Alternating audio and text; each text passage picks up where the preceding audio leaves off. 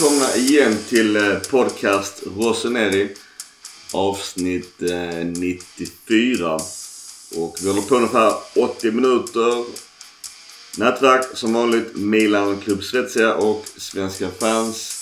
Det är fortfarande möjligt att boka resa med eh, oss till Milan Fiorentina i början på maj. Eh, det finns ju kontaktformulär i vår Facebookgrupp eh, där alla är välkomna om man svarar på två väldigt enkla frågor. Klarar man att svara rätt på dem så är man nog en, en ett troll eller en bot. Och då är man inte välkommen in. Men eh, där finns all info om det finns intresse.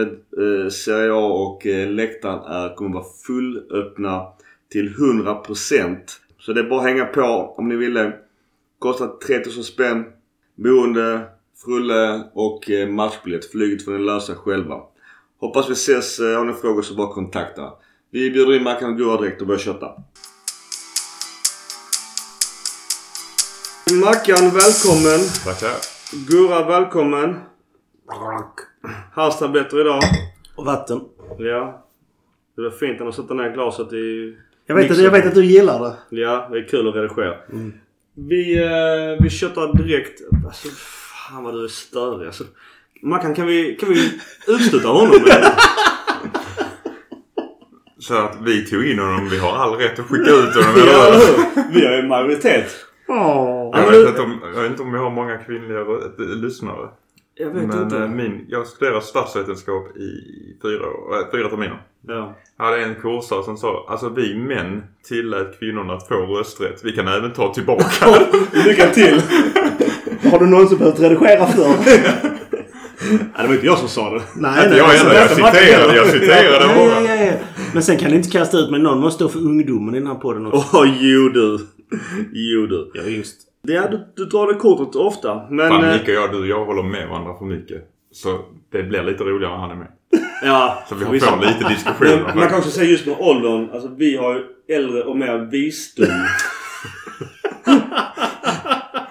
Så att man kan vända det på många håll och kanter. Men Men jag, jag, jag är för att locka de kvinnliga lyssnarna då med att jag är lite yngre. Kan vara så. Lite fräschare. det kan därför vi inte ha en videopodd.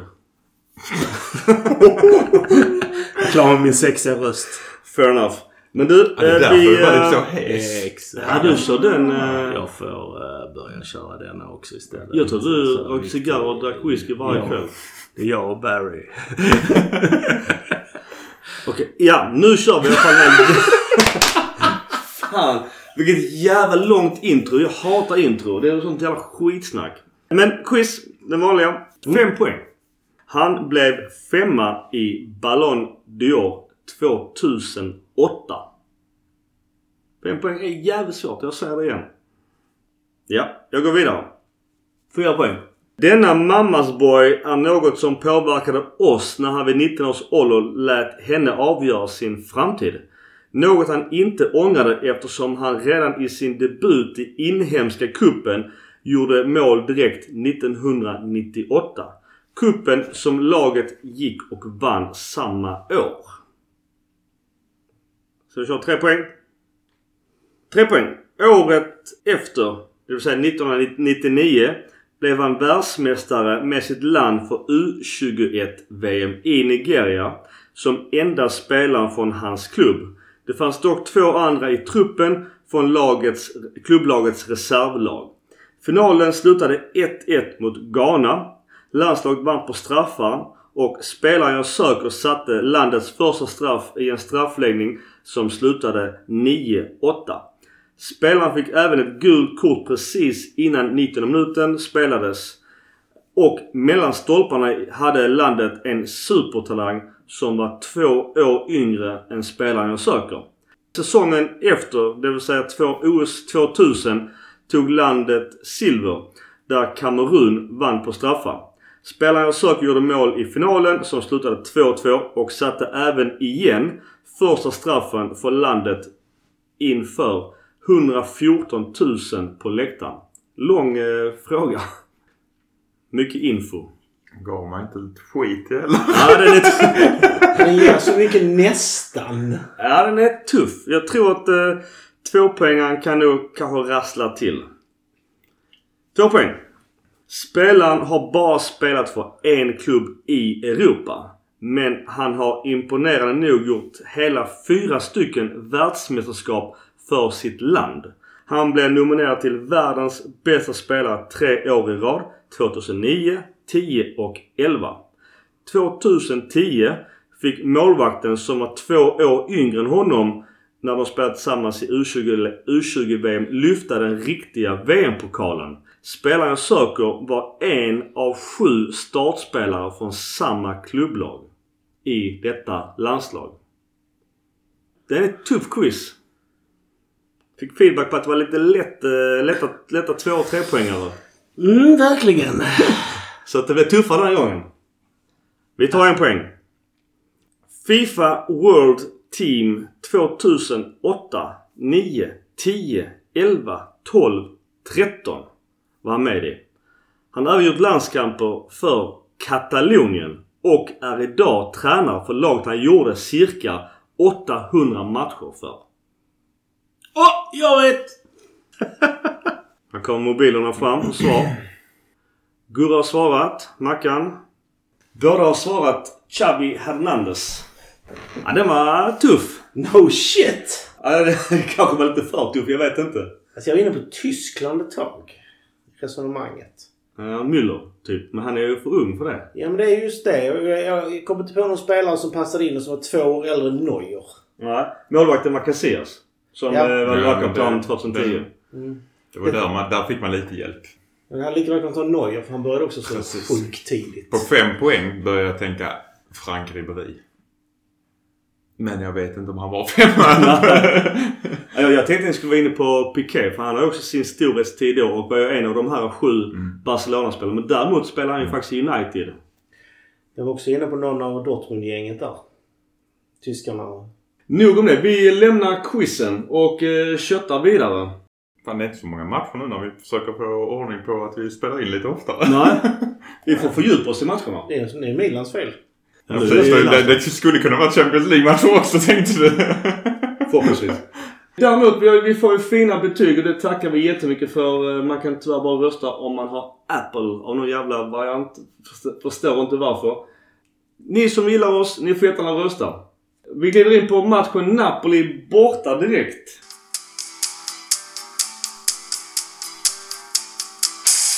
Napoli borta på Diego Armando Maradona stadion. Luciano Spalletti spelar som vi 4-2-3-1.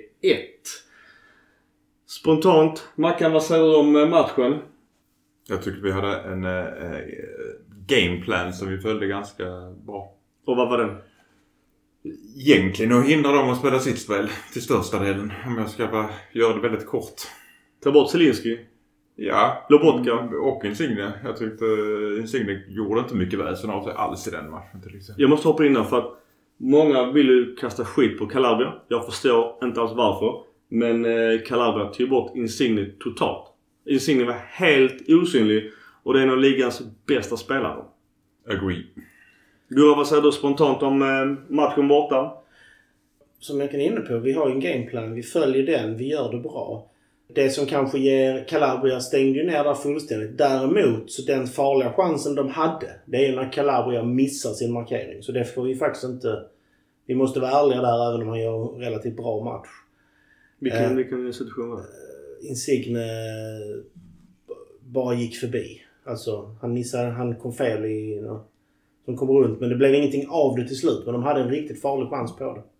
Var det inte de en gång gjorde någon bra räddning? Eller de sköt utanför? Ja, Ja, samma, jag minns inte Det är fan för länge sedan för att komma ihåg Ja. varenda struktur. Eh, men det var något sånt. Sen så Hernandez gör ju en hästmatch. Han är ju helt plötsligt en högerytter. Jag, eh, jag fick inte riktigt ihop vad han hade för fri roll i den här matchen. Han gör det hur mycket som helst skitbra, vilket statistiken visar. Sen så är han ju inblandad i en sån här situation som jag blir så störd på i slutet. När han kommer nära Osmine. Osmine kastar sig bara rakt upp och ner. Och sen står de och... Sen hjälper Osmine upp honom och så står de och knuffar på varandra. Men förutom det så gör han ju en skitbra match. Både offensivt och defensivt. Jag måste bara inflika där. Jag, jag tycker inte heller om spelare som filmar. Men jag tycker inte att han filmar... Han förstärker likt många andra. Han för filmar han rent. Den situationen, situationen du pratar om. Han bara kastar sig ju. Det är så... Jag tror mycket att, man, att han, eftersom han skriker så blir det att han uppfattas att det är värre. Jag håller med att han, han trillar lätt. Han, men det är ju kontakt. Men det är kanske två varv för mycket och han, att han skriker. Att Ja men ni, ni måste också tänka på att han är hårt uppvaktad. han får För mycket folk stryk. vet att han är så snabb. I den situationen har inte hans snabbhet någonting med, med saken Tänk så han var stillastående. Men Jag förstår vad du menar. Jag tycker faktiskt att han har slipat bort det värsta av det också. Alltså det har ju Denna blivit bättre. Precis som försvarsspelet har det blivit bättre. Han har fortfarande förmåga att när han märker att han tappar bollen att han eh, går ner istället för att springa vidare, vilket han ofta hade kunnat. Men absolut, det har blivit bättre. Men inför matchen mot Napoli borta så pratade jag förra avsnittet om eh, vi skulle ha en eh, Romagnoli eller Kalulu. Jag sa själv att jag ville se Romagnoli för att han är fysiskt mer stark och möta en för kvällen och som var en sjukt duktig Osimhen. Kalulu spelade. Hans insats, åsikter?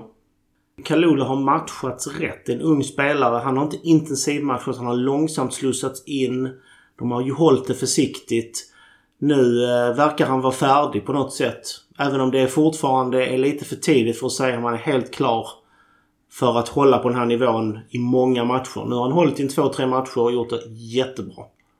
Samarbetet med Tomori blir bättre och bättre. Jag håller med. Alltså, han har ju blivit bättre och bättre för varje match han spelar.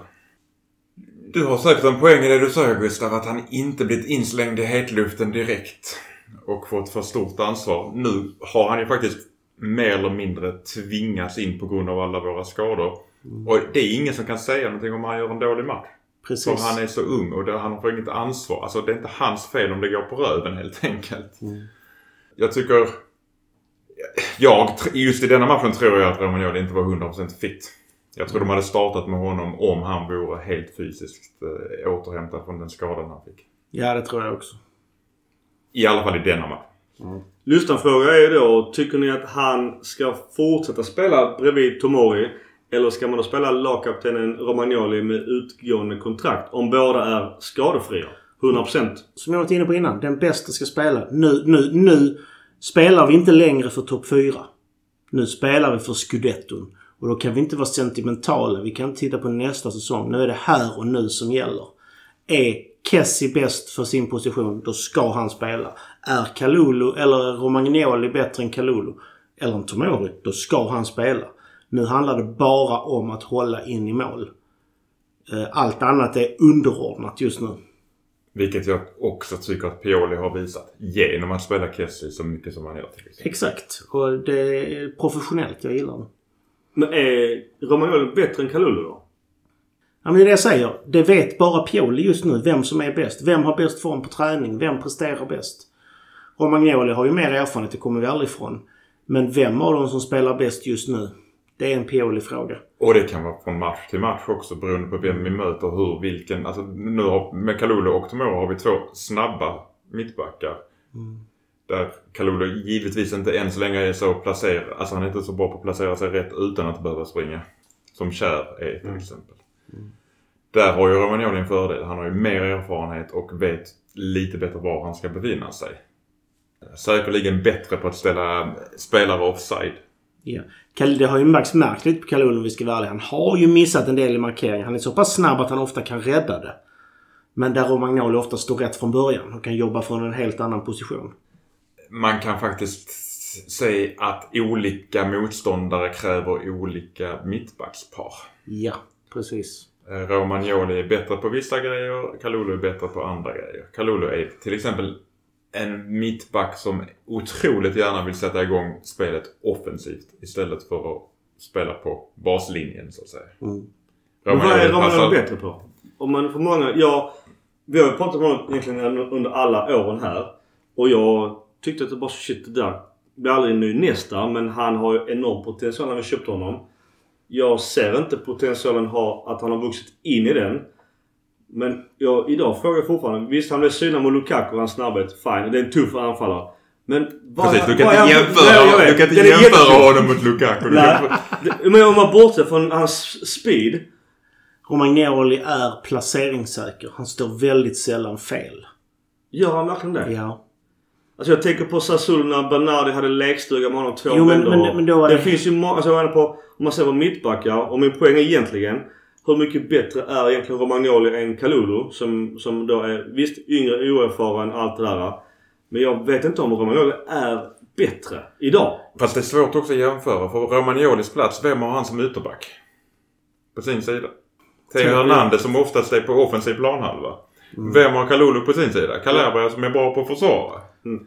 Den är, alltså det är jättesvårt att jämföra rakt av också där. Tycker det är en bra poäng för att det man pratar egentligen ofta om vår högersida Eh, som är jävligt osexig. Det händer inte så mycket poängmässigt. Där har man då Calabria eller eh, Florenzi. Eh, och de, de sinsemellan är ju ganska jämnt skägg. Men så är det just positionen ovanför. Och det blir ju återigen till balansen att vi anfaller ju med Leao och eh, Theo. Det är där poängen är och det är så ska vi göra. Det är ju taktik också. Men det känns som många vill ju tro att vi ska ha två sådana sidor och det går ju inte att spela så. För du kommer ju inte ifrån, och, och sagt, Kalula är fortfarande ung. När han, när han har hållit den här nivån i 5-10 matcher i rad, då kan vi säga att han är helt... Alltså att han har huvudet, kroppen, allting rätt. Nu har vi två, tre matcher. Han har gjort det bra, absolut. Men det här är ju någonting som Pioli får se på träningarna. Hur är dagsformen? Hur ser det ut? Unga mittbackar faller ofta igenom när de får för mycket matcher i rad. Vilken är bäst för dagen? Den ska spela. Nu ska vi ha 27 poäng till den här säsongen. Den är tuff. Men då tar vi också scudetto. Så är det. Det vill säga att vi har det i egna händer. Vi har det helt och hållet i egna händer. Ja, det är en diskussion med Kalulu. Jag, jag, för det första är jag helt imponerad av- hans utveckling och eh, han har verkligen tagit chansen. Kjär skadad. Roma- Romagnoli skadad. Det är till och med så att eh, Billy Costa Curta nämner ju Kalulu i sina eh, uttalanden. Och till och med är frågan, ska vi lägga 30 miljoner kronor på eventuellt Bottman? När vi har en ung och vi pratar åt den potentialen Kalulu sitter på. Det beror på. Vill vi vara en stor klubb eller vill vi vara en klubb som är bra? Poängen är med den frågan egentligen är ju att de 30 miljonerna kan man spara kanske på den positionen och köpa en AMC för kanske 50. Tanken är god. Ja, det beror på hur man ser Kjär nästa säsong. Hur han kommer tillbaka från skadan också. För du kan inte stå där med bara två Tomori som är etablerad, rutinerad back. Eller 23 nu, 24 nästa år. Och sen har du Kalulu som är direkt från grönbetet. Vad har vi sen? Ja, det, ja jag fattar. Alltså det är ju Kjär om han beroende på hans status är och Gabriel. Man behöver... Kaldara. Ja, Som Kal- inte vet vad vi gör. Ja. Kaldara, jag tycker inte det är dum. Men att vi behöver, man behöver två stycken i absoluta toppklass. Minst en bakom som håller bra Serie A-klass.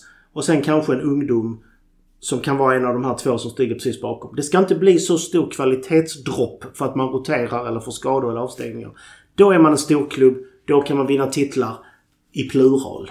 Vi får inte glömma att Kalulu var ju värvad som en högerback. Inte som en mittback. Jag, jag tycker det är jättekonstigt. Han, Han hade ju aldrig spelat mittback innan han fick chansen i Milan. Och det där jag menar på återigen, hans potential som mittback är ju, är ju sinnessjuk. Om han är så bra som mittback. Jag är inne på ditt spår för att vi behöver, Gustav, för att vi behöver verkligen backupen där. Och att vi ska behålla Kalulu är ju en no-brainer för att han kan spela på två positioner och han kostar inte mycket i lön. Det är ingen initialkostnad heller för den var ju ingen in- initialkostnad heller. Så Om inte hans agent ska ha 10 miljoner euro för att förlänga tänkte Ja, jag. Ja, det, vet man, det vet man aldrig. Men jag tycker också en Bottman eller Bremer-klass behöver vi. Bremer ryktas så mycket till Inter tyvärr. Och vilket innebär att Juric i Torino är intresserad av Caldara. Frågan är vilka pengar kan vi få för Caldara? Ännu mer om de kränger Bremer för 30. Då har de ju ett rätt bra kapital för att köpa in en mittback och vill de ha Caldara Alltså jag tycker vi ska kunna kränga en del för honom i så fall. För han har gjort det helt okej i Venezia. Alltså jag kan tänka mig att alltså, behålla Caldara som en trea. Alltså Eh. trea efter... Nu säger vi Tomori Kjär. Mm. Men Kjär är ett sånt aber. Ja den är svår. Jag vill snarare ha Tomori och en till. Bottman eller, mot, eller motsvarande. Bakom där kan du ha en... Där har du en Kalulu, eventuellt en Kjär. Kanske någon till där beroende på hur det ser ut. Vi måste ha statusen på Kjär för att en sån här lång skada han är, och i hans ålder. Det är inte säkert att han någonsin kommer tillbaka till den nivån han var Nej. på. Och Det frå- det frågan är om man vågar räkna på det. Ja. Nej den är jättesvår. Där har ju Malini och Massad någonting att sätta sina tänder i. Men Det var en lyssnarfråga så jag tror att vi har för stunden benat ut eh, frågan. Det vill säga de bästa spelarna och jag är helt inne på er två bana. Som jag också egentligen sa inför, för, inför Napoli. Då vill jag Romagnoli ut, utifrån fysiken att möta Osimhen som är fantastiskt jävla duktig. Eh, men nu skötte i och för sig det bra med Tomori. Och sagt, vi ska inte underskatta Tomori i det här. För Tomori styr Kalulu något så sjukt. Kolla på hur han snackar med honom konstant. Jag vet inte riktigt vilket språk de pratar. Ja, jag också. För Tomoris, eng, Tomoris italienska är sådär och Kalulus italienska är väl också sådär. Och Tomori pratar inte tyska. Alltså det är... Ja. Men båda två gör intervjuer på italienska. Ja, Ja. Det är imponerande. imponerande. Mm. Även Salamakers italienska känns... Nu kan inte jag italienska så jag kan inte uttala mig egentligen. Men det låter som att han pratar flytande på ett jävligt snyggt sätt. Milan är ju faktiskt en klubb som har fått mycket cred för att vi försöker akklimatisera spelare snabbt och på ett bra sätt. Har också by the way. Juru pratar Har också ni, jättefin eng- har ni hört senaste When We Were Kings med Shevchenko? Absolut. Hur han blev omhändertagen när han kom till Milan och incoachad och fick följa med. Och jag misstänker att detta är något som, som de kör fortfarande. Jag hoppas det. Ja, att verkligen få spelarna att bli en del av laget och staden och kulturen så fort som möjligt. Ja, det var vacker lyssning att höra på hur de tog hand om Shevchenko. Och, även då allt det här förarbetet. Hur man någonstans smörjer in honom även ett år innan. Sen tycker jag det är kul också att se ni vad lyssnar på vår podd och där Åh Shevchenko, det vill jag Ja. göra någonting om. Och så gör de det Han här. lyssnar på din Shevchenko-quiz. Precis, precis. Blev lite mer inspirerad. Uh, rekommenderas. Han ifrågasatte dock vissa av dina frågor i quizen måste jag tillägga. Tycker du är negativ? Ja, det är ett svinbra avsnitt. Uh, tre och en halv timme väl värt all lyssnan. Nu är det också min idol så att... eh, Det jag tyckte är synd i den intervjun det är att han, och nu går vi in på Shevchenko här. Han nämner ingenstans uttalandet av Drogba från Chelsea-tiden. För Shevchenko fick ju mycket kritik för sin tid i Chelsea. Men Drogba har ju sagt utan Shevchenkos kringjobb som gav, hade jag aldrig haft de ytorna att göra de målen på. Det tycker jag är synd att ni inte Ja. nämnde. Det är så tufft. Alltså Drogba var ju kanske som bäst när just Shevchenko var där och de spelade ett 4-3-3. Och Shevchenko är ju ingen ytteranfallare så att... eh, ja. Men Shevchenko sprang så mycket så att Drogba fick ytor. Ja. Drog isär backlinjen. Vi eh, går tillbaks till matchen i sig. Borta. Eh, vi pratade innan om språket. Eh, pratar också väldigt bra italienska vad det låter. Och han... Också kul att det kommit ut att han har ju sagt nej till klubbar som City för att han ville spela i Milan. Det tycker jag är extra plus i kanten. Och han gör ju också målet eh, och Calabria då får ju målpassen. Host! Ja, vi skrattar lite åt det men det är fortfarande i statistiken får Calabria målpass. Han får ett ass på den men... Sen eh, att, han, att det är ett husseskott som man säger på skånska vilket betyder ett pisskott. En strumprullare. Ja, det inte om det är skånska också men, men i alla fall... Ja. Juro är ju där han ska vara. Och de pratar eh, efter matchen att ja man fulknep han liksom någonstans sk- skrinar backen. Vad fan. Sånt händer ju hela tiden. Jag tycker Juro är en Det där är ju världsklass. inte fult. Det där Absolut är bara inte. smart. Så, ja men så ja, var- men exakt. Ja men Giroud, ja men hela... Det som jag... Jag vet jag pratade om det innan. Jag är så nöjd med mig själv ibland. Men alltså hur han är den här opportunisten. Den här straffområdesspelaren. Den här som utnyttjar de här ytorna. Och Giroud ska ju inte ha bollar liksom på djupet. Så han, ska, han ska ha de här i straffområdet. Uppfatta de här situationerna och hugga på dem. Och där, gör där är han ju bäst i laget utan konkurrens. Måste också ge eh, vårt mittfält eh, Kessie, Tonali och Benazer bra jävla cred. Och Kessie tog ju bort Lobotka. Han Mm. blev utbytt med en extremt svag insats och där måste jag också ge Pioli återigen cred att man tittar på vem är deras spelfördelare? Vem är deras tiare? Vem är deras eh, poängspelare? Och sen så slaktar vi honom och så åker han bort och då tappar de ju nästan sitt... Ja det blir nästan en dominoeffekt av skit bara. Och Benazer stängde Zielinski så Tonali kunde härja lite friare. Benazer var ju jättebra den matchen också. Han- Alltså han jätte, jättebra. Men så såg du Zielinski? Nej. Nej, och det kan du tacka Benazer för. Ja, och Lobotka också. Det- enda verkligen som var ett hot och det är ju, jag vet inte, man kan diskutera betyg och liknande. Men eh, Osimhen tyckte jag var fantastiskt duktig. Han underhöll ju verkligen vår backlinje. Det är där jag var rädd för att Kalulu skulle gå bort sig på ren orutin. Men han höll det bra. Han styrdes bra Tomori. Antagligen av Magnan också. Men de gjorde det jäkligt smart och bra. Och kommer en lyssnarfråga. Giroud och Koulibaly hade ju några dueller. Den... Eh, Alltså jag måste bara inflika, visst är Osimhen var, är duktig men jag kommer inte ihåg en enda chans. Nej. Men det är ju straffsituationen och han har ju något också. Ja, ja men, det, men det är ju ingen chans. Men nej, nej, ju men det, det är Micke inne på. Precis, jag, jag förstår exakt vad du menar. Han tog de löpningarna som underhöll vår backlinje hela tiden. Även med boll. Han var kanske inte inne i straffområdet. Men han satte dem i arbete konstant. Absolut, men han fick, han, Men han han fick ju inte ut någonting av det. Nej, men han- han- han och det var ju för att vi stängde ner deras spel. Ja. Ja. Osi- bara- Osimhen gör ju jobbet men han har ingen som backar upp honom. Det, vi Nej. måste ha minst två på honom för att en mot en. Till och med Tomori hade ju problem med en mot en löpning mot Osimhen och det är fan jobbigt att se det. Jag hoppar ifrån. Jag, jag förstår din tanke också Mackan. Om man ser på betyg och stats så skapar det inte Osimhen mycket. Men det var ett jävla rivjärn och en jobbig jävel att möta. Jag tror att i ett, det är hemskt att säga det men Napoli som är ett, ett topplag. Men jag tror att i ett bättre lag eller bättre yttra än, och, och det låter sjukt att säga det för att Politano och Insigne är ju bra. så, Bättre yttra. ja, alltså det låter sjukt säga det men, men I de, denna matchen. Ja. de skapar ju för lite åt eh, honom. Det är ungefär som när vi hade Higuain, en superstriker som får ingenting att jobba med utan får göra allting själv. Och det Usman fick, fick göra det själv för att och återigen, Hernandez och Calabria tog ju bort dem totalt. Det är det jag menar. Alltså jag ty, visst, Osimhen gjorde rätt löpningar men vi måste ju berömma att vi tog bort... Absolut. Om det ena utesluter inte det andra. Nej men... Det, det är nej. därför vi vinner matchen. För vi tar ju bort dem totalt. Ja. Och de är jättefrustrerande. För att jag säger inte att vi spelar som Udinese. Men vi bjöd inte upp till någon offensiv, kreativ dans framåt. Utan vi dödade dem. Men annan lyssnarfråga. Det är två straffsituationer. En åt varje håll. Minns ni dem? Har ni kommentarer på dem? Var blundar för båda? Eller tyst bekräftelse på att domaren gör rätt? Eller min, vad säger vi om dem? Mila har ju Du har inte nämnt domaren vid namn ens. Va? Det gör vi direkt. Och då är det Orsato. Det är vår favorit va? Har vi någon favorit? Hur var de här straffsituationerna? Det var ingen som jag får Jo, fast. det är Benazer i... Det är typ i första minuten han blir blockad i straffområdet. Jag kommer inte ihåg vem men...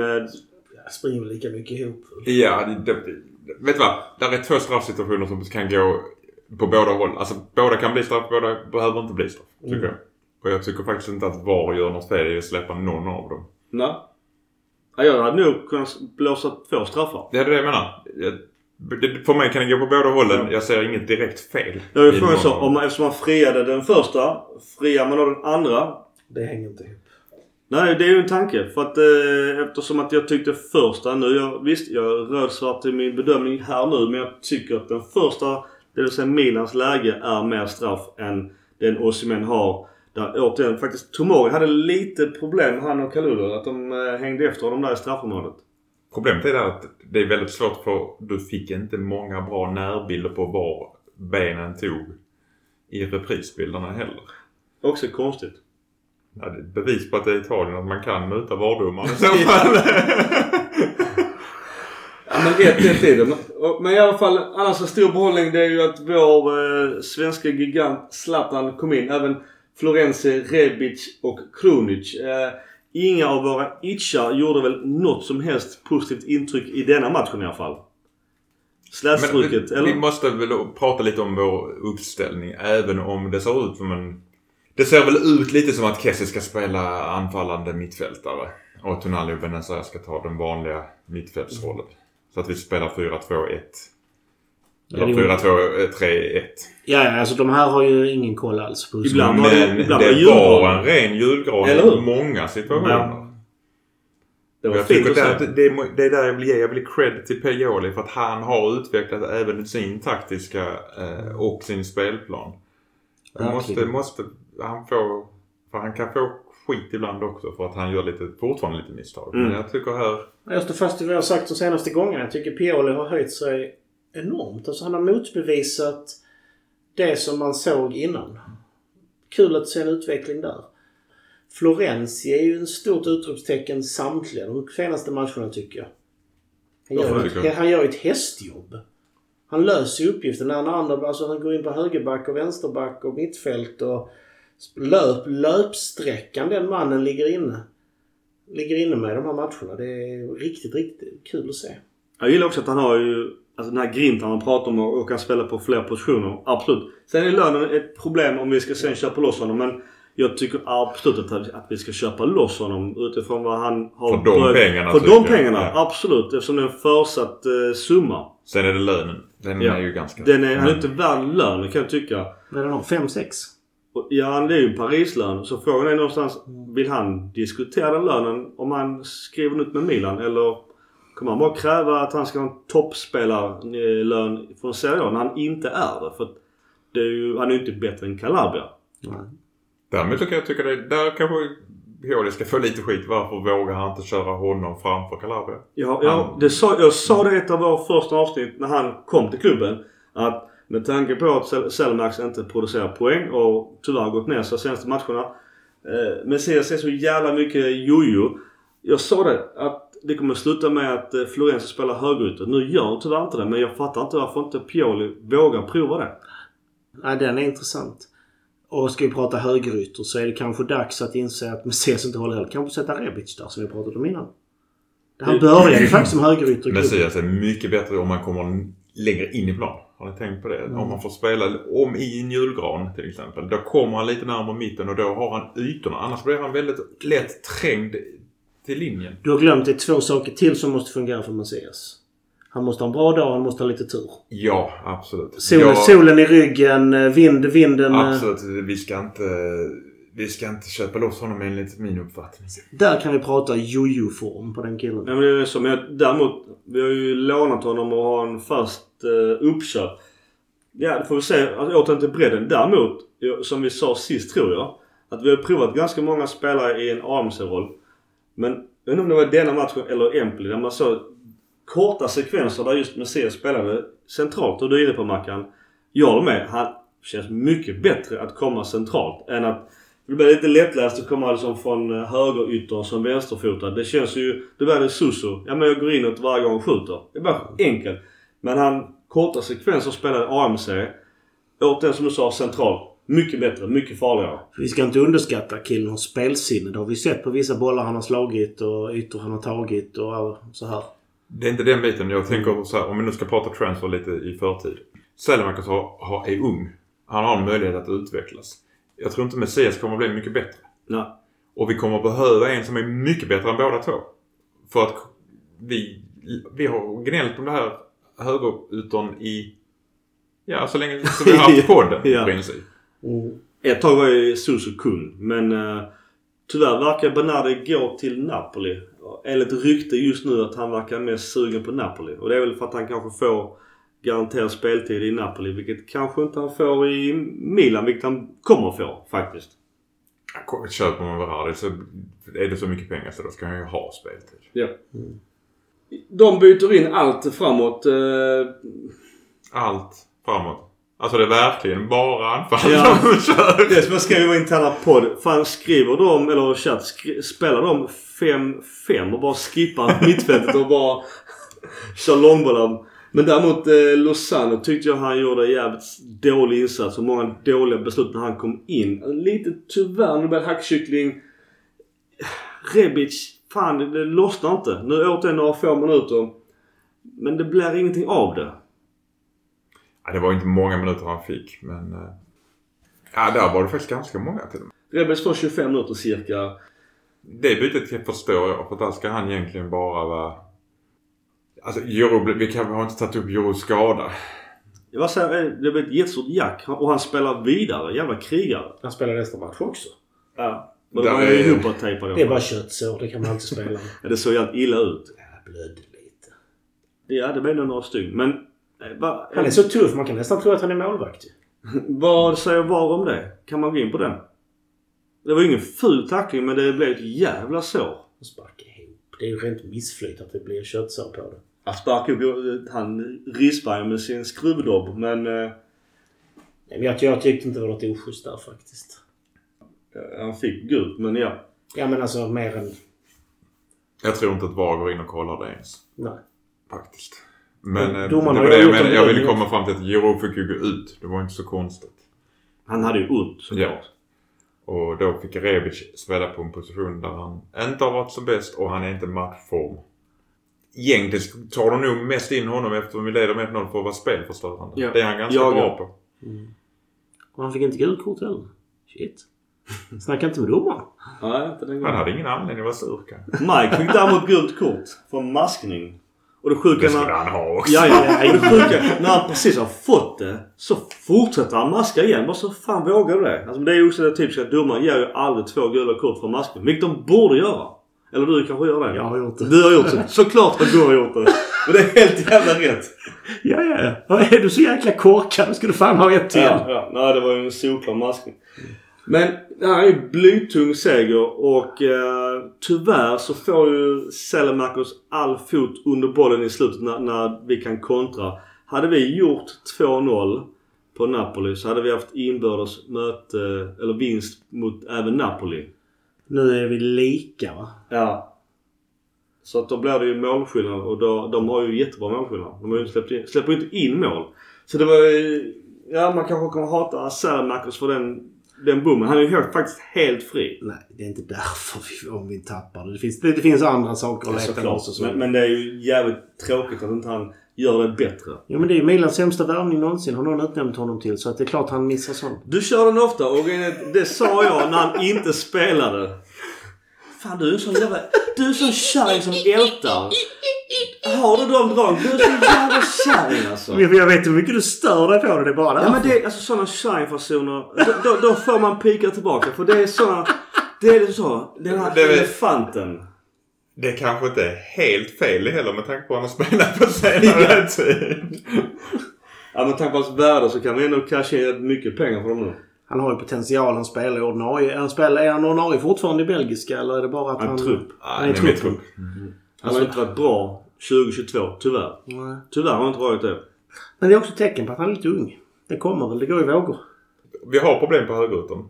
Castellejo är totalt utfrusen. Han Ja. får inte ens chans. Ja, den är helt sjuk. Ja, måste med ju tanke på till Mattias och Sellemakers har spelat hade jag slängt in honom ändå. Men- Men... Jag säger det. Sen har du Maldini. Som också kan spela där. Ja, du har Rebic också. Mm. Ja. Men det känns ju som att de sa till honom i januari. Du får gå annars får du inte spela en enda jävla sekund. Och det, nu blir det så. Återigen då till... Vi pratade om Pioli att, att eh, för dagen bästa spelaren ska spela. Absolut. Men har Messias och eh, Sellemakers varit så pass dåliga. Så nu är inne på Mackan. Ja men prova Castellejo. Jag tycker faktiskt det. Jag, där är det, det är som Gustav sa från början. Nu handlar det faktiskt om att ta alla jäkla poäng vi kan Ja. ta. Och då får man svälja sin stolthet helt enkelt. Jag vill komma ihåg att David Beckham var totalt utfrusen i Real Madrid. Mm. För att han skulle gå till LA Galaxy och tjäna massvis med pengar. Han blir inslängd i en match för att de har så många skador. Han avgör den matchen och gör att Real Madrid vinner eh, La Liga det året. Men ibland måste man tänka Ja. mer på sitt eget ego. Ja. Ja, men det är helt rätt. Det är nu, som sagt 27 poäng. Det är det som behövs nu. Bara lite kort om stats på Kalulu att eh, vi släpper in 0,61 mål per 90, 90 minuter när Kalulu spelar. Det är också ganska imponerande. Sen så behöver inte det betyda ett skit att det är just han som gör det men lite spännande stats. Och 5 av 10 clean sheets som vi har haft har Kalulu varit på plan. Han spelar ju bara mot dynglag å andra sidan. Han har ju spelat på både Inter, Napoli och Juventus. Han har med, var, var, Mot faktiskt startspelare. Jag sa, jag sa ju det. Dynglag. Spelade, vi Ja, inte, spelade vi inte med Kalulu och Gabi mot Inter i första... När alla var skadade? Och då vi förlorar. Nej. Vi har inte... Vad blev det för... Jag får Tomorrow var han inte tillbaka. Nej, jag tror inte det. Det stämmer ju. Så att... eh, Nej, han har gjort bra från sig. Vi har bredden helt enkelt. Ja, men det, det är kul att se utvecklingen på honom. Den går alltså spikrakt uppåt. Vi vänder blad.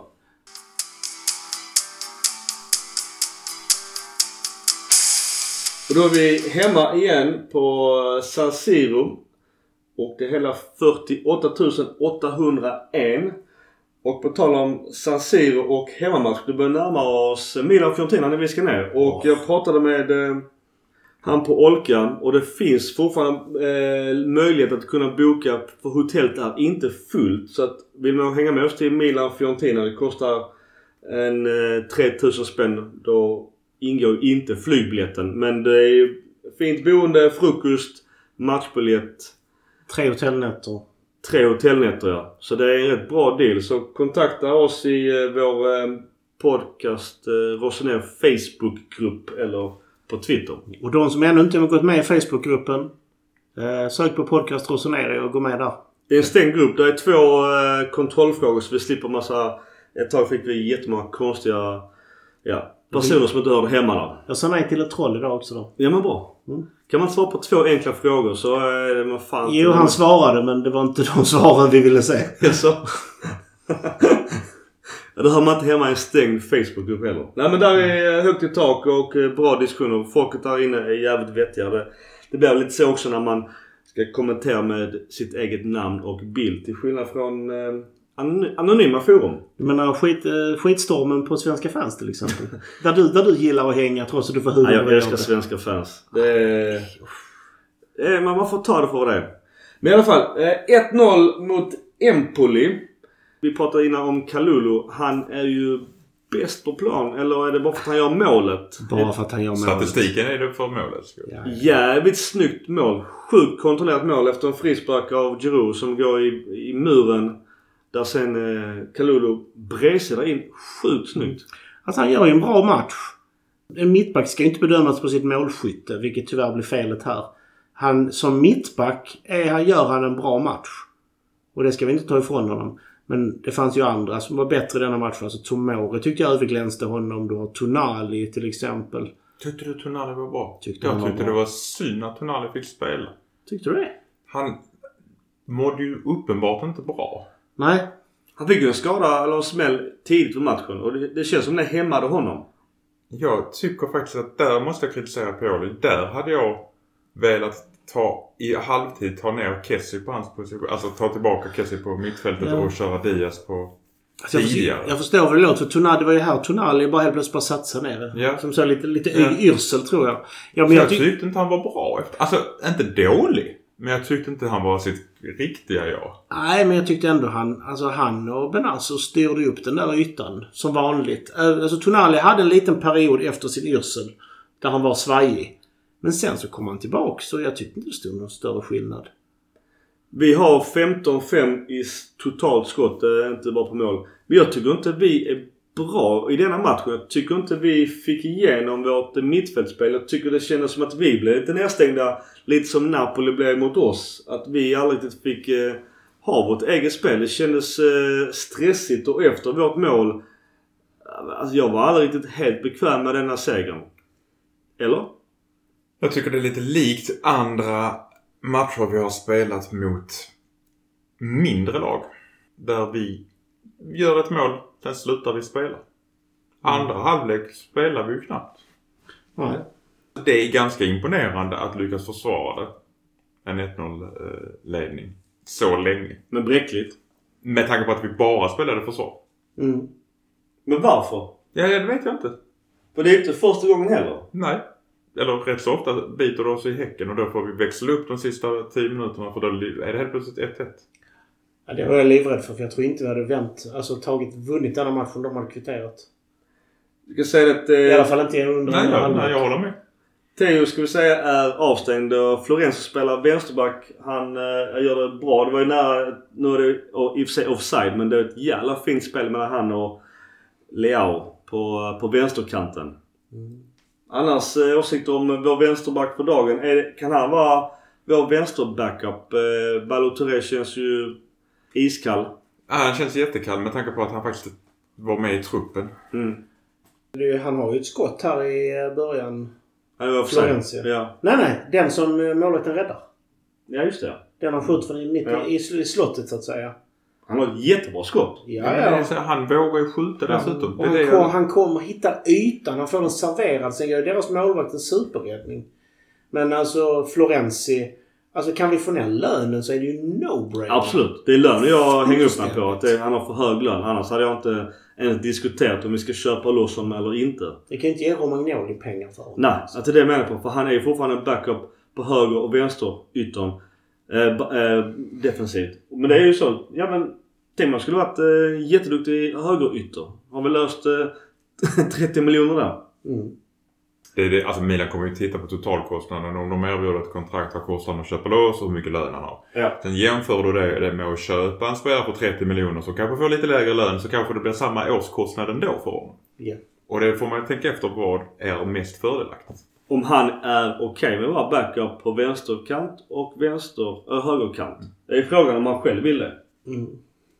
Det tror jag. Han verkar ju gilla Milan. Ja, men sen är, det, som- sen är det som, som, som jag alltid säger. Det, det är ingen som är startspelare, ingen som är backup. Utan man har en trupp där de bästa spelar. Då får han ju bevisa att han är bättre än Calabria, Hernandez. Jag tar chansen. Ja, ja. Det är det jag menar. Alla, det, det här snacket, jag jag blir lite allergisk mot det. det. Det är fler än du Micke, men som säger men vi värvar in honom. Går han med på backup? Nej, han går med på att konkurrera om en position. Precis som alla andra spelare. När vi värvar in Tomori så var det för att konkurrera om en plats med Romagnoli, Kjär och de andra. När vi värvar in eh, ja, vilken spelare som helst så är det för att konkurrera om en plats. Jo men det finns ju en, en uttalad etta. Det är lite som att Jo men om han nu, är... nu värvar vi eh, Mirante. Det är inte så att du kommer att konkurrera om en första plats som målvakt. Skulle Mirante visa sig på träningar och träningsmatcher vara hur jävla bra som helst så hade han petat Magnan. Ja, det hände kanske när vi hade Diego Lopez och Donnarumma tog honom som en supertalang. Men jag, alltså jag... Jag menar är att man, man, kan inte, man kan inte säga att man värvar någon som backup. Egentligen. Att man värvar en som en truppspelare. Även om de är backup. Ja, det kan man säga det är ju trixa med orden. Både och. I alla fall tillbaka till matchen eh, och bytena. Vi kan väl säga att vår gamla kompis i Cotrone blir inbytt och får varma applåder. Men han gör ju ingenting. Jag kan inte riktigt förstå idag att vi fick nästan 200 miljoner kronor för honom. Det känns overkligt idag. Maldini Masterstrike. Ja. Så, Han, han såg dem precis i rätt ögonblick. Ja. Jag tror knappt han har gjort ett mål. Jo det har han. Men det är inte många mål han har gjort efter vi sålde Hallå, honom. det nickmålet mot Napoli. absolut. Men det är, inte många, det är inte många mål han har gjort. Nej. Det är ninja move av Maldini. Kränger han han är på sin topp. Idag är han för fan inhoppare i Empoli. Empoli är ett bra lag, det ska väl sägas. Deras coach i uh, Chiffi, jag tycker han gör mycket bra med Empoli. Chiffi är Chiffi. domaren. Chiffi är domaren. Jag vet, att, du- jag vet att du inte tycker domaren är partisk. Men du, du tycker du går här lite... att han är coach för Empoli. Jag menar Aurelio Andresoli. Han tycker jag har gjort... eh, Nej, de har gjort, men med resurserna har ju Empoli gjort Jättebra. otroligt bra. Och det är mycket snack om just eh, Bayram. Även ryktet till Milan. Deras nummer 10. Han överglänste ju inte våra tio idag. Men Diaz var ju återigen en svag spelare. Han har, alltså där, när Diaz blir inbytt. Så försvinner väl... Vilka är det för han som försvinner? Ska vi kolla det snabbt? Vi byter in Diaz och eh, Selmakers från Messias och Kessie i 72. Och sen byter vi in eh, Rebic och Zlatan i 83 mot eh, Leao och Giroud. Och sen så kommer då... Separera. Alltså, egentligen om man tittar på det krasst så behöver Diaz andra kreativa spelare runt omkring sig. Vi byter ut den som är mest kreativ. Som, om vi nu ska ge Leao lite, lite skit. Så har han blivit lite för egoistisk. När han släppte bollen för tre matcher sen så släpper han inte bollen längre. Han dribblar en gubbe för mycket. Ja, Lite hybris kanske. lite hybris. Mm. Eh, och dessutom har då Diaz nio minuter på plan med honom. Och så byter du in en väldigt machotränad, jag säger inte att Zlatan inte är kreativ, men han har ju inte matchtempo alls. Och du har Rebic som är vä- väldigt kall. Och dessutom inte särskilt kreativ i grunden. Inte just nu i alla fall. Nej. Så att det är lite svårt att värdera Diaz insats i denna matchen tycker jag. Ja. Helt rätt. Men totalt sett, vi behöver en ny 10. Vi behöver två nya tior. Ja, ja faktiskt. Och jag, jag, jag, jag vet att folk tycker att men Diaz har varit bra innan. Ja men han... Hur mycket chanser som helst. Och jag står fast vid vad jag sa i förra gången. Vi bör bryta det lånet. Och ge någon annan chans. Jag ser hellre Maldini för den speltiden. Hade det inte varit just matchen mot Inter där han var delaktig när vi vände. Så hade han haft en jättelång strike av dåliga insatser. Han lever ju fortfarande på Inter-matchen. Men det börjar snart bli ganska dammigt så att eh, han behöver en ny insats som är, som är toppen. Och vi kan inte ha en spelare som gör en bra insats var femte match. Absolut inte. Om han hade hetat Hakan Calhanoglu. Att han fick skit han hade fått. Oh, ja. Han går inte jättebra just nu. Framförallt om eh, där vi hade haft en coach som spelat honom varje match även om han var så dålig. Ja, absolut. Och jag menar hade Diaz spelat varje match så hade det varit Harkan-nivå på kritiken härifrån i alla fall. Ja, absolut. Det, säger faktiskt en hel del. Nu förstår jag att vi på olika matcher som mot Napoli sätter Kessie som ren spelförstörare. Mm. Men det säger ändå en hel del att vi sätter en defensiv mittfältare som en offensiv mittfältare. Absolut. Och det har vi sagt tidigare. Det är ju en jävla petning.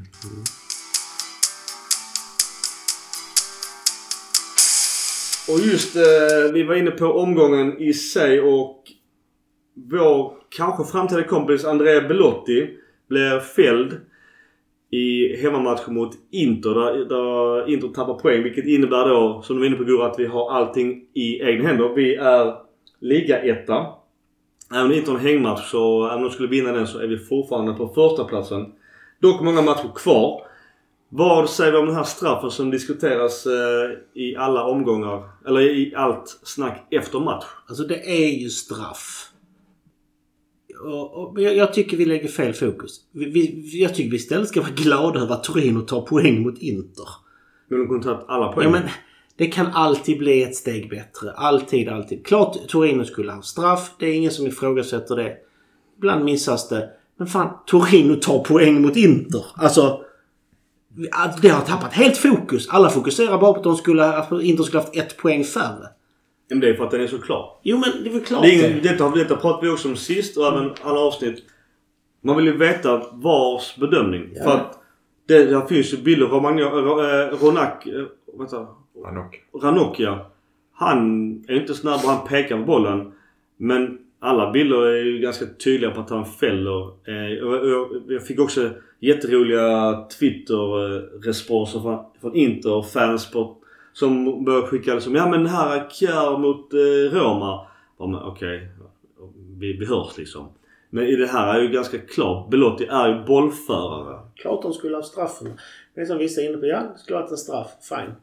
Men det är där, det är min poäng är. Det är sånt här som gör att VAR kritiseras. Och det är det, jag gillar ju VAR i grund och botten. Men det är för mycket VAR-skit som Ja. är dåligt. Men utan VAR hade du suttit här och gnällt som fan på domaren. Ja. Men det gör ju nu också för nu, Ja. nu är det VAR värre. För att nu har de ju faktiskt teknisk hjälpmedel och ändå inte kan göra ett rätt beslut. Jag tycker faktiskt det är positivt att det kommer upp och diskuteras för att det ska utvecklas och bli bättre. Eh, Så visst, i- i Milan-kretsar kanske vi ska fokusera mer på att Torino tog ett poäng, eller tog poäng från Inter. Och därmed att vi leder. Två poäng från Inter. Precis. Eh, Men totalt sett för utvecklingen av fotbollen och hur man dömer så är det ju bra att det kommer upp till diskussion. Ja, ja. Och det är absolut. Och jag vet ju i domarkretsar här nu. Allt sånt här gås ju igenom. Det görs ju jätteutvärderingar.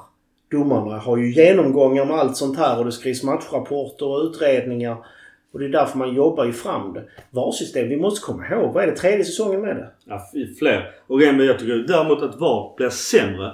Jag hade också någonstans sett en utveckling. Ja men vi tar det till oss. Det blir bättre för varje säsong. Jag tycker VAR har blivit sämre för varje säsong. Första ett, två åren var det, tyckte jag var jättebra. Men nu, alltså enligt Corriere dello Sport, eh, jag vet inte exakt vad som är rätt eller rykte, men enligt den tidningen så huvuddomaren Mark Guida och VAR-domaren David Massa att de kommer inte få döma på rätt många matcher i slutet på april är de kanske tillbaka. Det är ganska lång avstängning i så fall om nu detta skulle stämma. Som jag, säger, jag tror när italienska fotbollsförbundet går ut och säger, eller domarförbundet, då, då tror jag på de här avstängningarna inom eh, citationstecken. Men eh, det är helt rätt. Eh, det är bra att det lyfts fram. Det är bra att det utreds, det utvärderas. Men samtidigt så det är en, det är en, fortfarande en lär, lärpengen. Vi har domare som dömt utan det. Ge det några år och helt plötsligt har vi domare som bara dömt med VAR. Och oss som jag snackade om förra gången. Det är fortfarande mycket prestige hos många sydeuropeiska domare. Men är det värt det? Blir avstängd i två månader nästan. Det är Det- hemskt. Ett, vi vet inte. Det. Om det nu skulle bli så ja. Men frågan är om det verkligen ska ses som ett straff. Förstår mig rätt nu. Det kanske är för att skydda domaren. Skulle det hända ett misstag i nästa Ja. match igen. Mm. Det roliga också med tidningar i Italien så sätter de betyg på domarna. Jag vet inte om vi gör det i Sverige. Jag läser inte så mycket svenska tidningar. Men Gazzetta sätter 4. Corello då 3,5. Och Tuttosport, nu är den såklart en Torino-tidning. De sätter 0 i betyg. Alltså det, det, det fattar det är Kalle Anka av. Det är, det är ju Torino-tidning. Och de mötte just Torino och de, även mycket Juventus såklart. Och, som en konkurrent till Inter. Men Tror ni Bremer för övrigt är poppis i interkretsar om man nu ska gå dit? är det målet ju. Han gjorde mål. Ja. Men, men, men alltså rent krasst. eh, Nu såg inte jag den här matchen fullt ut men hur bra alltså, var domaren så värdelös i resten av matchen? Eller bedöms han bara på grund av ett misstag? Gissningsvis är det en fatal med fel som man får betyg på det. Men sen är det ju, alltså Tuttosport är ju ett skämt överlag. Ju, allt som kommer från Tuttosport är ju kalanka. Ja. Men sen är det också de här. Och det är ju samma sak vi kan säga. Det är den här klassiska. Målvakten räddar eh, 10 frilägen och 20 skott. Och sen så tappar han in en långsam bakåtpassning och får skitdåligt betyg. Bra övergång. Och då har vi ju Champions League. Donnarumma, ska han ha frispark på den? Han har blivit uthängd och många Milan-fans runt om i världen skrattar lite. Han gick ju en omgång längre i Champions League än vad Milan gjorde. Det vill säga åttondelen åkte han ut mot Madrid. Han gör eh, misstag, eller vad man ska säga. Han får en rätt tuff tackling. Jag tror det är Benzema som gör en toppmatch och tacklar väl just Donnarumma. Vad säger ni om, om den situationen och överlag Donnarumma? Den tacklingen var väl helt okej va? Målvakten är ju tacklingsbar utanför, utanför målområdet. Ja, det är ju axel mot axel. Ja, då är det ju inget konstigt. Och de är ju väldigt skyddade annars så att... Eh, Och egentligen är de lite för skyddade så att utanför målområdet är inte, då, är inte målvakten tacklingsbar och då är det bara så det. Mackan, vad säger du? Donnarumma? Jag bryr mig inte om Donnarumma längre. Nej, fair enough. Vilken... Jag, alltså helt ärligt, jag skiter fullständigt i hur det går för honom. Jag bryr mig om Milan. Eh, han spelar inte i Milan längre. Men du var inne Eh, däremot inne på Hacken innan. Hans form har ju tack och lov dippat ganska mycket sen han gjorde allting rätt i Inter. Det, det, men Det är väl lite likt honom, är det inte det? Att han spelar bara en halv säsong. Det Ja. har han gjort i Milan också. Och det syns ju på Inters eh, facit nu. Jag vet inte om vi tog upp det förra gången. Jo, det, deras spelstil kräver fysiskt så jäkla mycket så de orkar i 70 minuter. Mm. Och har de då haft en jobbig Liverpool-match och sen ska hem och spela mot Torino på bortaplan. Det är inga enkla matcher Nej. Efteråt. De har ju sett bra i matchen återigen mot Liverpool men... Eh, och Lautaro, Lautaro gör ju drömmål men jag tycker annars att det var svagt. Det var jävligt synd att han fick göra mål. Ja. varför? Inte för att jag bryr mig egentligen men annars hade Milan varit det enda laget som hade gjort mål på Liverpool i Champions League denna omgång. Och det jag tycker jag är cred till vår tuffa grupp för att båda lagen i både Atletico som slog United igår och eh, Liverpool som slog ut Inter visar på att vi var ju en hemsk grupp och ändå gör vi ändå bra ifrån oss fast vi inte spelat Champions League på så pass många år. En annan lyssnarfråga det är ju Rangnick som var aktuell för Milan för något år sedan innan Pioli. Han är ju United nu. Eh, kanske konstig fråga men eh, har vi någon åsikt om, om Rangnick? Alltså Ragnik är ju en lagbyggare och han måste få förtroende och tid. Han har ju redan börjat, eh, alltså ungdomar börjar han redan fånga upp till United nu. Det kom ett par engelsmän nu. Det var någon tysk också tror jag som han hade på gång. Att ta in Ragnhild som vi pratade om innan. Ta in Ragnhild och tro att det ska bli instant success så att säga. Alltså det, det är helt, helt feluppfattning. Det är därför han bara är interim manager nu. För att det ska komma in en annan manager och han ska gå, ta ett steg tillbaka och bygga en trupp. Sportchef deluxe liksom. Ska bara det är bra att Milan inte gjorde slag i saken med tanke på att då hade vi varit i ungefär den situationen. Med facit i hand, ja. Alltså, Och men det, så- så- alla här var ju rörande överens om att det kommer att bli en nystart. Ja, ruta ett igen. Men hur lång tid har vi på oss? Ja. Det är där. Ja, det jag, det jag ställde det mot då det var ju Pioli att han var ett väldigt oskrivet kort. Men han har motbevisat oss fullständigt. Så att...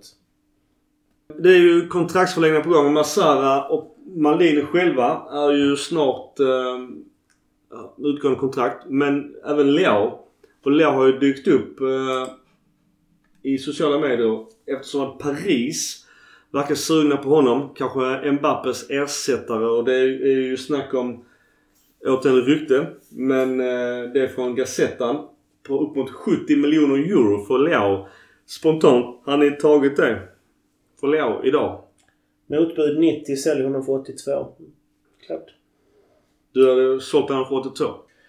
I det läget Milan är nu, vad vi kan få in för dem och vad vi har backup. eh, Ja, absolut. Det är en blivande världsspelare men där går någonstans gränsen. 70 är lite för lågt för hans potential. Men över 80 är eh, nog fair i nuläget. Mackan? Jag vill ju inte sälja honom men om det skulle... Om vi verkligen skulle... Pengar på bordet hade du sålt det? Ja, ja. Mackan, pengar på bordet. Show me the fucking money. Ja, den är, den är svår. För 80 miljoner får du rätt många bra spelare faktiskt. Exakt. Så att... Eh, vi får väl, om man gör det får vi väl hoppas att scoutingverksamheten funkar som den ska och vi tar upp nästa Leo. Och vem är då det? För 30 miljoner. Och vem är Ja. nästa Leo? Ja, men det är det jag säger. Jag hoppas att jag tycker Och det kanske kräver en och en halv säsong. Lite som Leo har minst behövt. Hans eh, transfervärde har faktiskt dippat också ett tag innan Pioli i stort sett var han ju inte så jävla het på marknaden. Men Som man kan säga för 82 eller 80 miljoner pund kan man få in... Kan förstärka, man kan förstärka på så många positioner. Så jag tror laget som helhet blir bättre med det vi kan få in för de pengarna. Även om det är... Man naturligtvis inte vill tappa en, en sån spelare. Framförallt när han är i det, det steget han är på sin karriär nu. tror inte det är bra för honom att gå till PSG. Det är jag en helt annan sak. Det, det tror jag inte. Jo men då säljer de dit för 80 så blir han sur och så vill han gå tillbaka så köper tillbaka honom för 30. I januari.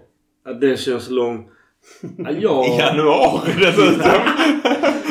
Han börjar bråka sig bort. Lånar hem honom och sen köper honom. Att Skulle Milan förlänga med honom till 2026 som är långt gångna diskussioner och förhandlingar och han har ingen jävla agent som ska ha 10 i fickan. Då tycker jag 70 till 80 är för lite pengar. Alltså med tanke på hans potential och hans enorma utveckling denna säsongen. Så kan jag någonstans tro att eh, han har de egenskaper att han kan absolut bli vår miljardspelare. Jag tycker inte Milan ska bara säga ja men show me the fucking money. Ge mig 100 miljoner euro på bordet. Eller får de börja diskutera spelarbyten. Vad har vi i, eh, i Paris som vi kan i så fall få? Pengar, ja men alltså för att det inte gå till Milan men och han börjar också bli ganska gammal. Alltså Leo är ju inte gammal. Men eh, där finns ju mycket i, i Paris. Men det börjar också bli lite ålderstiget. Jag håller med. Där är, det är svårt. Jag skulle inte vilja ha någon av deras mittbackar så som de betedde sig mot Real. Nej.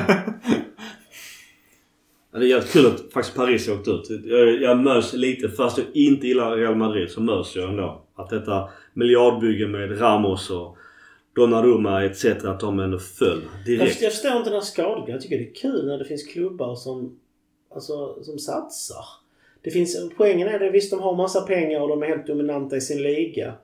Men vi har ju så många rika ägare som bara skiter i klubbarna. Jag tycker faktiskt vi måste ge lite cred till dem som faktiskt satsar på sina klubbar. Det är klart att det finns skadeglädje när de går till hyllplan högre av den anledningen och även berättar när jag vill gå till hyllplan högre och ändå så, så fittar de ut. Det är klart som fan att jag tycker det är jättekul. Jag tycker det är jättekonstigt. Alltså vi behöver inte prata PSG i en Milan-podd kanske. Men är det inte konst... Alltså. Jag tror, eller tycker, att Leonardo inte gör ett bra jobb. Igen. Igen. Jag tycker inte att han gör ett bra jobb. Han får däremot köpa paket för de här 80 som du Alltså vi kan få in en liten Vi hade väl summa. 20% på den mm. försäljningen. Eh, Nej, vi borde kunna köpa paket istället. Då får vi tillbaka en del av pengarna och då blir han, han blir ju genast en viss Då blir han procent 20% billigare. ja. Exakt. Jag är ingen dum med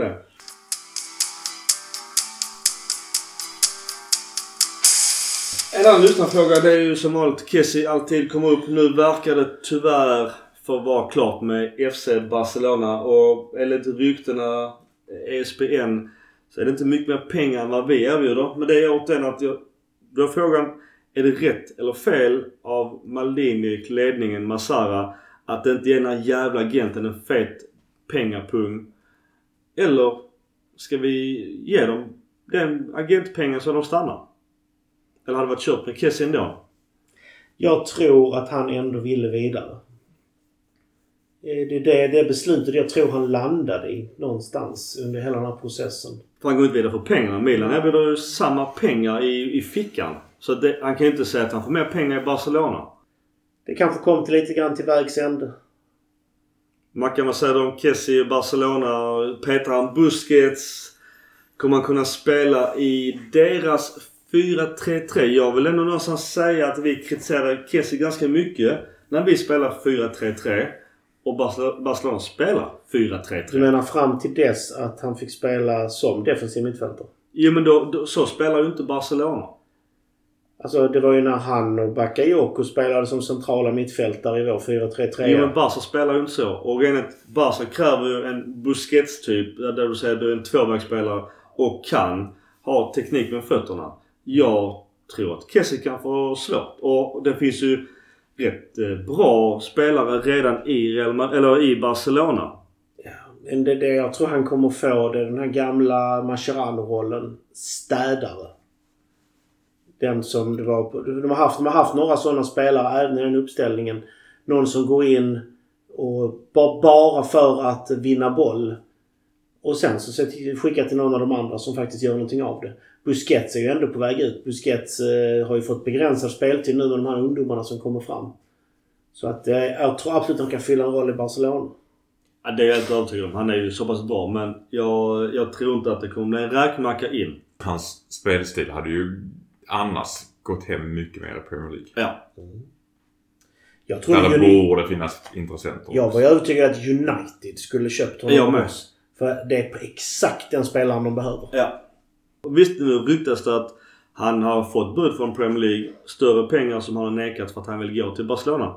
Fine and fair. Så länge inte han hamnade i Inter för att han skulle lämna Milan. Det tror jag alla fattade när han skrev på trots sina uttalanden. Då, då blev det bara så fan. Han vill inte dansa tango. Det krävs två för tango. Och han vägrade lämna i januari. Eller att vi någonstans valde att behålla honom för att han är så pass bra. Vi vill kriga hem Champions League-platsen. Nu till och med ett, kanske ett guld. Kanske. Så att... Eh, återigen, nu, nu kommer Malini få skit för att vi släpper ännu en 50 miljoner kronors man, en 50 miljoner euros man gratis. Men bara se på ligan. Se på det här. Jag tror, utan Kessie tror jag, tror jag inte vi hade lett ligan just nu. Det är jag rätt övertygad om. Ja, han har gjort ett hästjobb. Han Skiten, kan... Jag tycker inte de ska få... Alltså, det enda jag...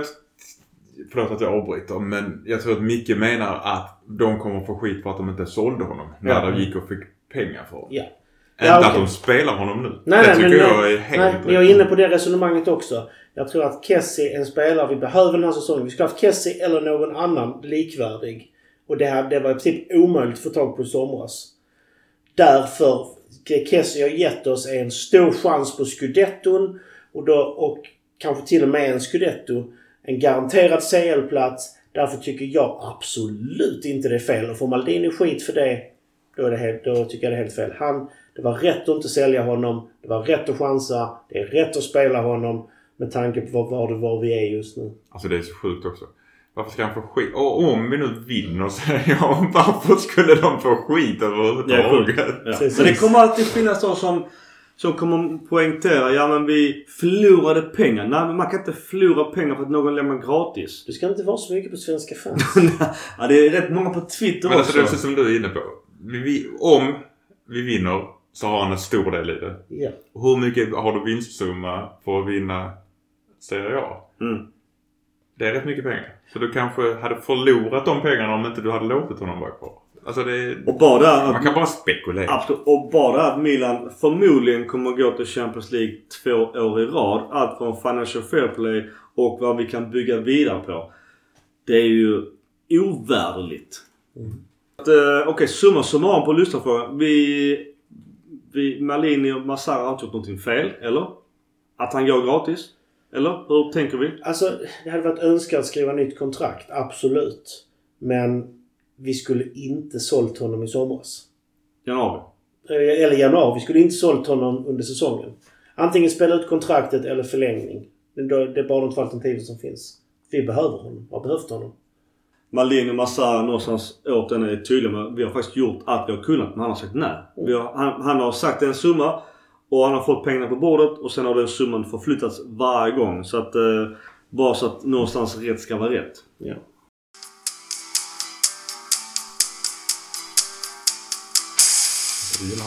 Nej, men vi kan gå tillbaka till... För vänta, du kan vara lugn. För vi köper aldrig någon som det har varit eh, någon rykten om nej. Så de, vi, vi köper ändå bara spelare som ingen Jo, vet om. vet, vet, vet, Ja, du var, vet, du varför? men, vi, vi tar den Nej. Vi tar, vänta, vi tar den istället då. Ja. Eh, eller fan, lönt? Tar vi inte nu egentligen? Det känns långt Jo bort. men det är faktiskt värt att nämna en grej med den. Eh, Origi ryktas ju in nu eh, tydligen och det är, det är mycket rykten runt det.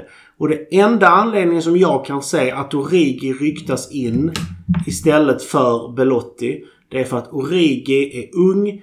Man hoppas att han kan utvecklas och sen säljas. Det är bara därför som man vill se en värdeökning.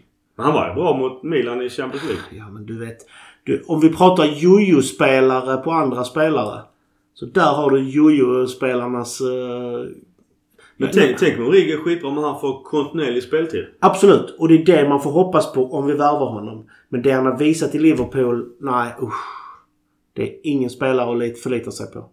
Var det inte så att Drogba blev som bäst när han var 26? Han var rätt så kass innan.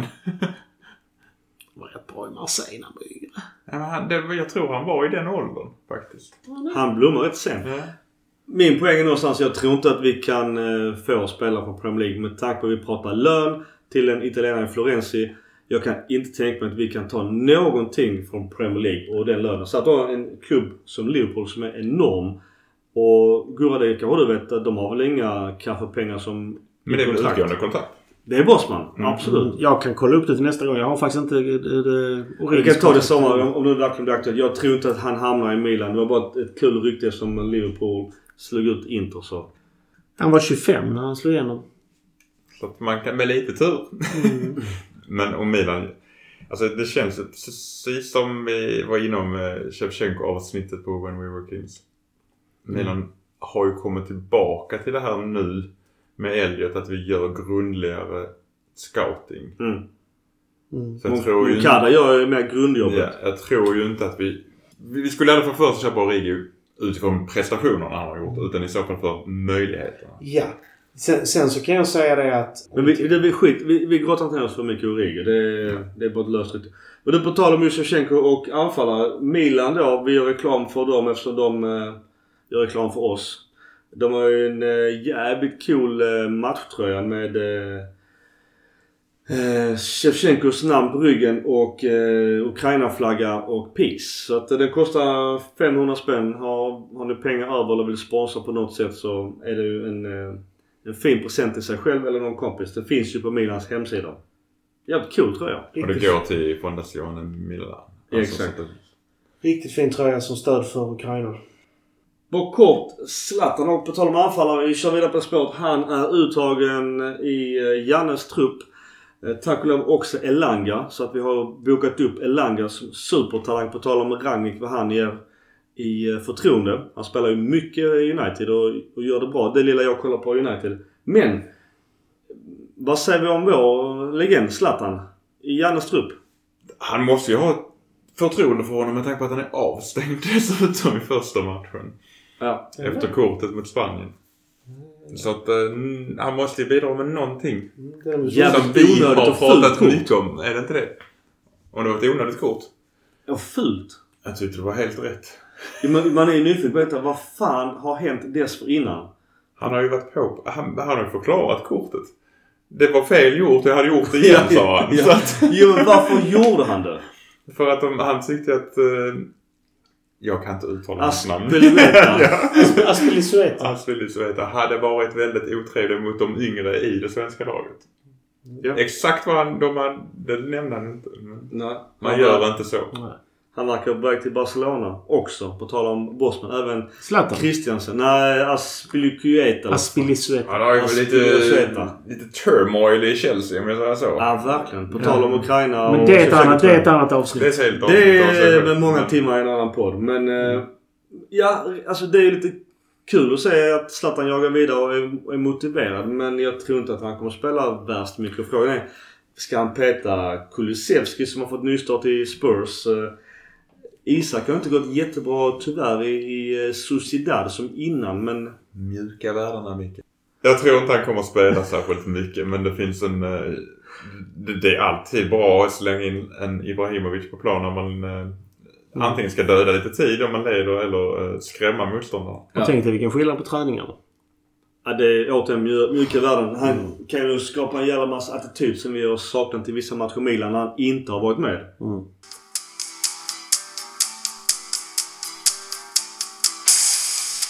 Hit and shit.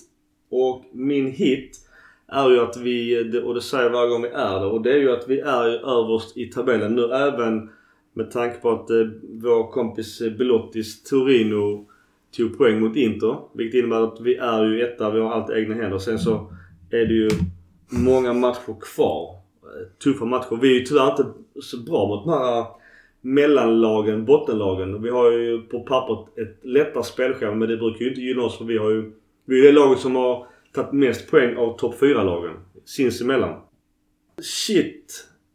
Tyvärr att Kessie verkar klar för Barcelona. Att eh, någonstans blir det punkt eh, slute eh, i den eh, För denna gång. för denna gången ja.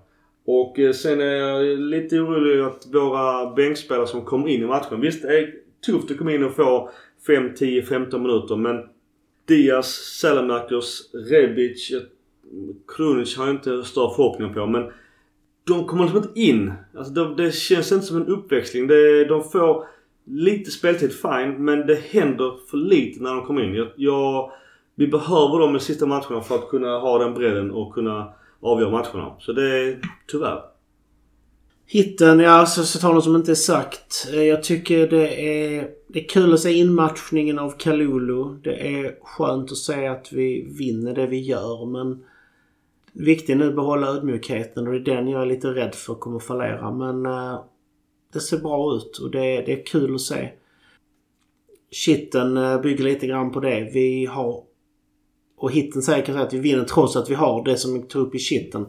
Det är de, det vi alltid har pratat om. AMC och, hög, och högerytter. Det är, eh, det är två svarta hål. Lite grann. Men Den är hård. Nej men det är ju det. Alltså det händer ju ingenting liksom. Det är ju de andra positionerna som räddar det.